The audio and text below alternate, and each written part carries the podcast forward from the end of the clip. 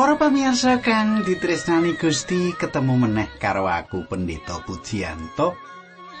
Kaya padatan aku bakal bebarengan karo panjenengan sawetara wektu iki ana ing sajroning adicara margi utami adicara kang wis dadi kelangenan panjenengan lan panjenengan anti-anti. Pak Puji kapan? Nanggone rawuh ning studio aku kepengin ngrungokake Wah seneng kula nek diarep-arep kados makaten tegese aku ditresnani mengkono. Lah iki aku nembe wae to layang saka Pak Joner Nainggolan. Priyantun Batak ning ngerti Jawa. Nggih, wah matur nuwun serat panjenengan Pak Nainggolan. Kepripun kula pun pinanggih kalian panjenengan nggih. Nah, katangku sugeng midhangetake adicara iki.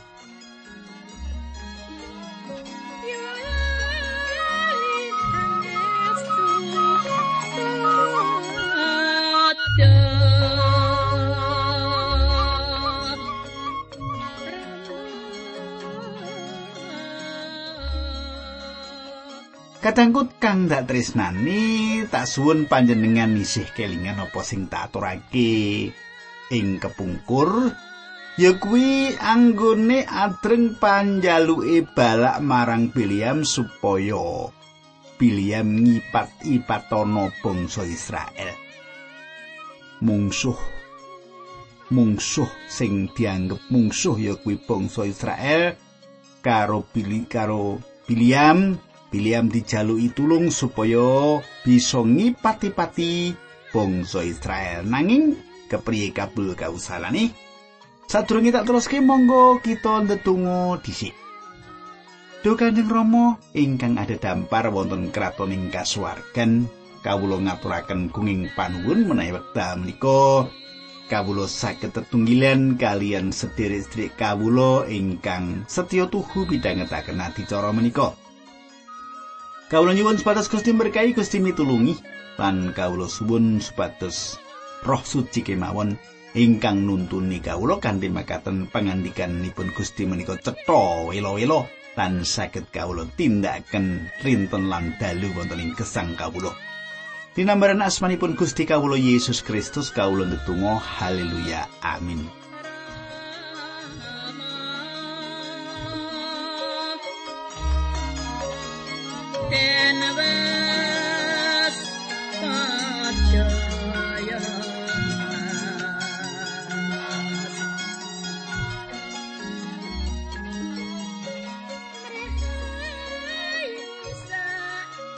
Kadangku kang dak tresnani andaraning adicara iki bakal kita wiwiti saka kitab Bilangan pasal 24. Kita bakal miwiti saka kitab Bilangan pasal 24 ayat 10 nganti ayat 14 lan sak teruse mengko.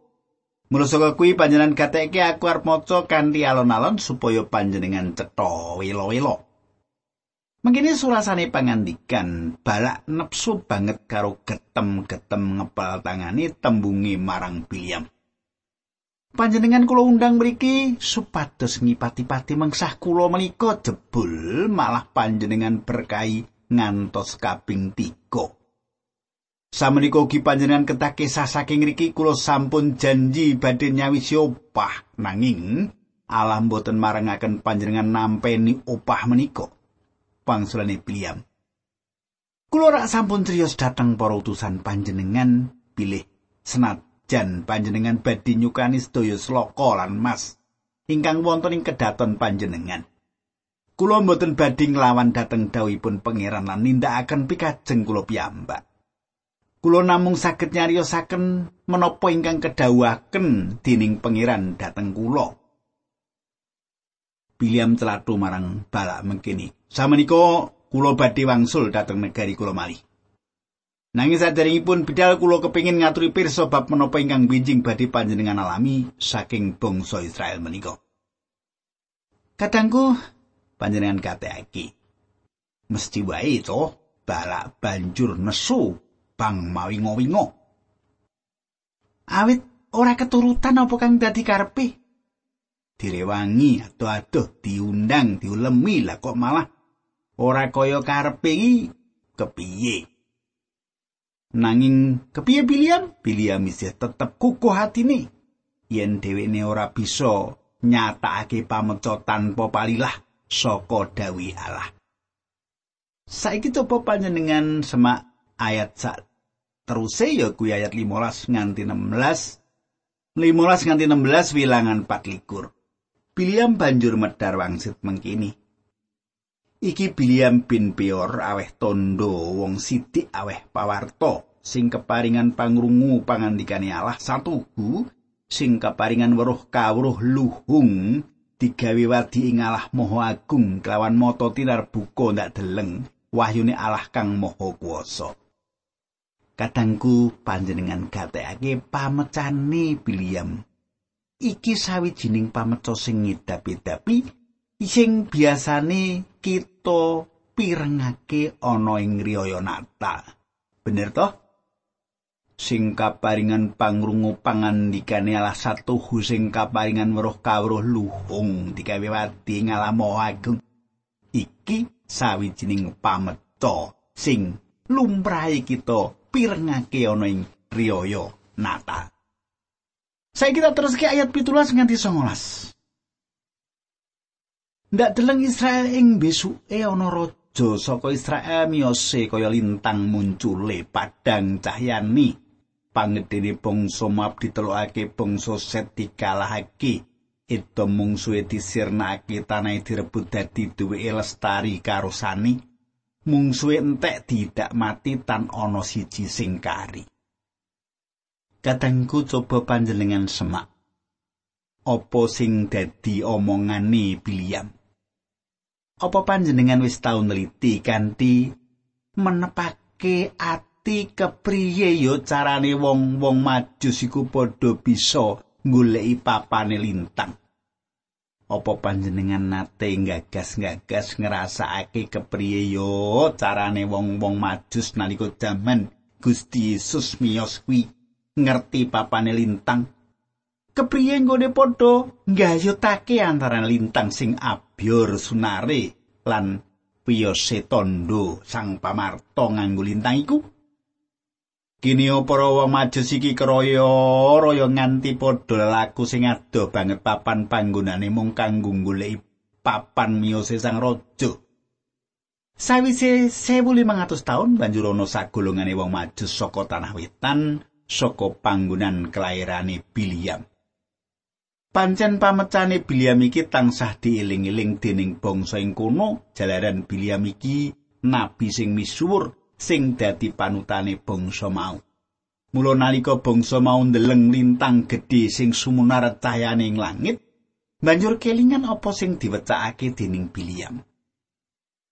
Ndak deleng Israel ing besu ana raja saka Israel miyose kaya lintang muncule sing padangi cahyani.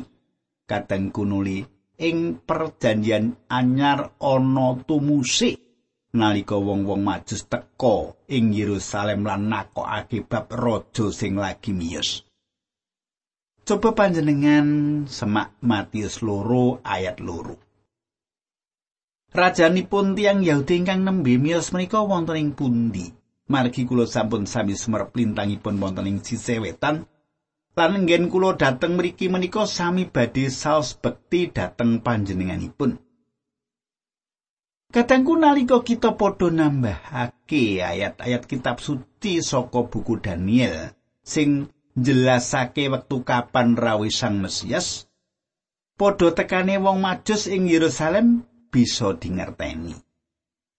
Pancen kanggone bangsa Israel sing wis keparingan perjanjian lawas, sing akeh pameca-pemecane bab Sang Mesias malah padha ora goleki marang Mesias sing bakal rawuh iku. Mung ana sawetara Israel sing nggatekake pamecane kitab suci yaiku Hanalan Simeon. Mula nalika wong majus tekan ing Yerusalem kabeh padha gumun. Padha gumun kapingungun klebu Sang Prabu Herodes lan iki pamecane Biliam tumrap bangsa-bangsa ing sakiwa tengen Israel Coba panjenengan kateaki. Bilangan 24 ayat 30 nganti 24. Mengkene surasani. Sawise mengkono ing sadroning wahyu Biliam weruh wong-wong Amalek, mulane banjur meca mengkini kabeh bangsa sak jagat Amalek dhewe sing hebat nanging akhire ngalami uga musna sirna. Sadrone wahyu mau Biliam uga weruh anak trune Kain temah banjur meca mengkini Kain sentosa pamanggonmu kaya susuh ing pucuk gunung watu. Nanging kowe wong keni bakal ditumpes sirna diboyong asur dadi tawanan digawa lunga. Biliam banjur uga ngucap pengkene saka lor wong akeh padha teka sapa? Iku wong Siprus teka numpak prau wong Asur lan wong Eber dilalap bangsa mau nang akhire ora lawas uga ditumpes tanpa tilas. Kadangku mestine wae pamecane Biliam ora gawe marem atine raja balak, ya to wong kon ngipati-pati bangsa Israel malah bangsa-bangsa liya bangsane dhewe diobok-obok bakal ditumpes tanpa tilas iki kepiye. Ayat selawi. Sawise mengkono Biliam banjur toto-toto lan budal mulih menyang negarane semono uga balak yo banjur mulih. Katengku iki isi pameco saka Biliam sing pancen jeleneh. Dheweke banjur inggal-inggal ninggalake panggonan kono bali mulih ing panggonani. Saka ing wilangan 31 ayat 8. Biliam kepupu ing ayuda mati ana ing peperangan nalika perang karo raja-raja ing Midian. Ing kono ditulis Biliam bin Bior uga melu dipateni. Kadangku, saiki kita wis mlebu ing wilangan pasal selawe. Wah, panjenengan tambah pinter. wilangan palikur wis rampung saiki ngancik pasal selawe. Ing pasal iki bakal kita semak kaya ngopo licike akale lan blasare Biliam. ing layang loro Petrus loro ayat 15 kita bisa maca keterangan sing ngemot cara uripe Biliam sing pancen serakah. Biliam uripe nguber duit lan lilo ngowahi dasar pamikire sing bener malih dadi cara mikir sing mentingake duit, duit lan duit. Piye panjenengan? Apa bisa gagape awake dhewe apa sak suwene iki nderek Gusti sing dipikir duit-duit-duit ngono terus? Apa ya panjenengan iki saiki wis mikir piye ngluhurake Gusti Allah lumantar duit panjenengan anu gak apa-apa sih kula niku duit ora perlu. Bagus. Kula niku enten duit turah-turahan niku tak aturake nang gereja ben gerejane rada regeng. Ya pe kula ugi anu kok Pak Puji perpuluhan barang. Oh nggih sae nek perpuluhan barang. Pripun to Pak? Nek ngono wong donya iki ya mung sedelok kok. Wong somben bondo donya ora digawa nyang kubur. Wah kok saya sangat panjenengan niki pikirane. Ha gitu ki nah nuli tak terus ki ing Yudas 11 kita bisa maca kaluputane Biliam. Ing Yudas 11 kita bisa maca kaluputane Biliam. Kaluputane yaiku dheweke ora gagas yen Allah mesti bakal nedahake kayektene para wong dosa sing percaya marang panjenengani. Biliam ora bisa merangi bangsa iki. Mula dheweke ngrogoh kahanan dosane Israel saka tengah-tengah uripe bangsa iki supaya katon bubruki. Saiki kita wiwiti maca ayat siji nganti telu wilangan selawi.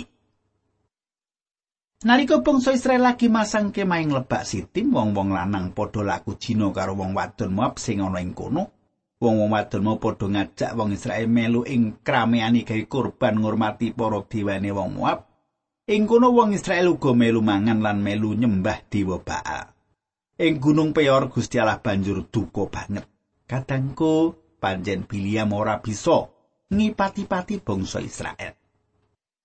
Pancen Biliam ora bisa ngipati-pati bangsa Israel awit ilate Biliam jinangkung karo Allah. Aja nganti ilate mau ngipati-pati bangsa Israel. Lan bab iki wis diucapake marang Balak apa sing kudu ditindakake. Balak lan anak buahe nganti sesideman nyusup ing tengah-tengah Israel. Nuli kawin campur karo bangsa iki nindakake panyembahan brahala lan ngajak-ajak Israel kanggo nindakake iku mau. Banjur Israel nyingkur saka ngarsane Allah. Bisa wae wong-wong campuran iki ngajak Israel supaya duweni pikiran sing jembar. sing toleransi padha-padha ngajeni kanthi mengkono Israel bisa bebarengan karo wong-wong iki nindakake panembahan marang brahala bebarengan. Nanging wong-wong iki ora tau ngibadah bebarengan pangibadah Israel. Dadi Israel dikon ngibadah bareng-bareng ning wong-wong mau ora gelem ngibadah kaya wong Israel. Pancen ora bisa diselaki yen kabeh atine menungso duweni krentek kanggo ngedoh saka Allah. Ngedoh saka ngarsane Allah. Mula saka iku banjur tukul kaya jamur kegiatan-kegiatan sing asipat agamawi. Ning endi kumpulan agama-agama ning ora ngluhurake Allah? Patrape ora ngluhurake Allah sing di apa wi digedhekake anggone meri gampang kobong watek kanoman mere-mere nek eneng wong liya kasil ora seneng wong liya maju golong aku wae sing maju. Liyane aja maju nek perlu tak tumpesi aja nek golongan liya kajaba golonganku. Wah lah kok watek dosamu kok ana ah panjenake sing padha kasengsem. Marang cara kegiatan sing mambu agama ngene iki jalaran pancen digawe kanthi cara sing populer sing mung acarane nyinau kitab suci tok endi ana sing kasengsem? Nah iku cara sing bodho. Ngono panemu saweneh wong balak ngerti yen Biliam bisa ngobo-obo Israel kan nindakake bisnis agamawi. Ajarane bakal ndudut Israel sangsaya adoh saka pangeran Allah. Lan padha nindakake manembah marang dewa Baal iku kayata sing wis kelakon ing tengah-tengahe uripe Israel. Kadangku panjenengan kudu ngati-ati. Yo, ketoke kaya manembah karo Allah. Pujiane ketoke kaya tenanan, kaya-kaya wis dadi wong suci jebolane ngujo hawa nepsu. Ana sing dadi abdi Gusti ngedol. Papan pangibadah kanggo nyukupi butuhe kamangka nalika mbangun golek pisungsung saka ngendi-endi papan nggawa proposal. Wah wis ngelan-ngelani tenan. Urip sejati lan sejatine urip ora gampang. Mung ana ing sajroning Gusti Yesus Kristus pirsa panjenengan nek wong ora kenal Yesus Kristus ora ngerti urip sejati ki sing kepiye sejati ning urip ki sing kepiye ora ngerti sing ngerti mung sing percaya karo Gusti Yesus. Mengkono unine kitab suci. Nah saiki wilangan selawe ayat papat nganti limo mengkini surasani. Pangandikane marang Musa para panggedini Israel cekelen kabeh lan gantungan ana ing ngarsane Allah lan ing ngarepe wong akeh supaya dedukane Allah sing ngalet-ngalet marang bangsa iki sirep. Musa banjur perintah marang para hakim Israel mengkini saben wong ing talar musing nyembah marang Baal kudu kok pateni. Kadangku patrap manembah brahala iki satunggaling patrap sing bisa ngiring manungsa marang paukuman. Mula Gusti Allah banjur nindakake sing sipate welas asih kanggo nyelametake umat Israel kagungane. Wilangan selawe ayat 6 nganti songo mengkini surasane. Nalika Musa lan umat Israel kabeh lagi padha nglumpuk nangis ing ngarepe lawang kemah suci, dumadakan ana wong lanang nggawa wong wadon Midian mlebu ing kemahe. Bareng Pinihas sanae Eliasar putune Imam Harun weruh sing mengkono mau nuli ninggal. Wong-wong sing nglumpuk mau banjur njupuk tumbak lan ngoyak wong lanang wadon sing mlebu ing kemah mau wong loro mau ditumbak wetengi nganti tembus srana anane lakon mau paukuman sing wiwit mremen sirep.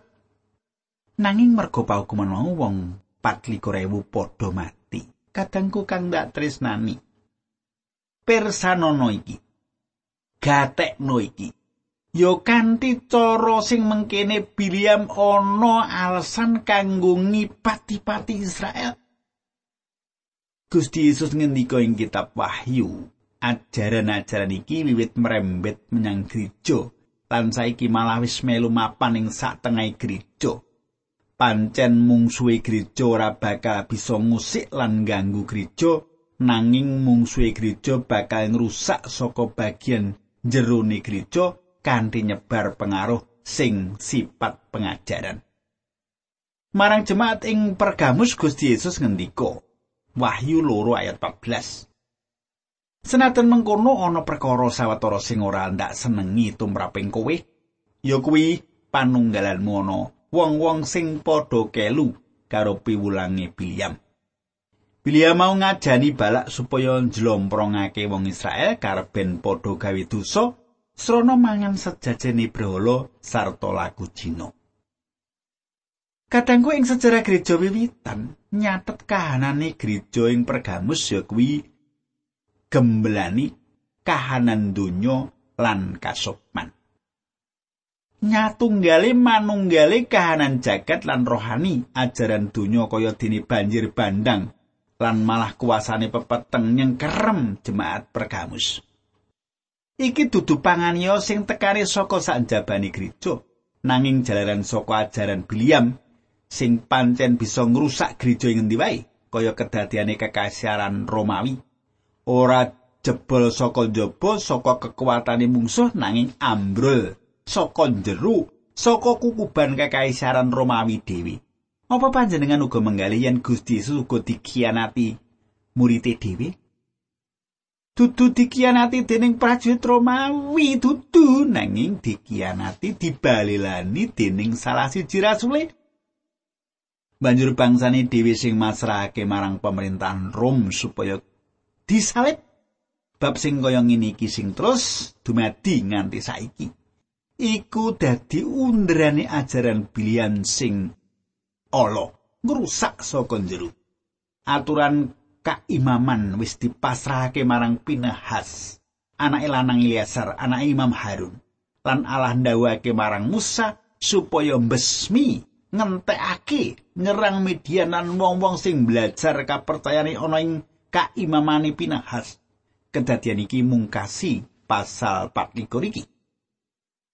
Wilangan selawe ayat 10 nganti ayat 18. Mengkini surasani. Gusti Allah banjur ngendika marang Musa.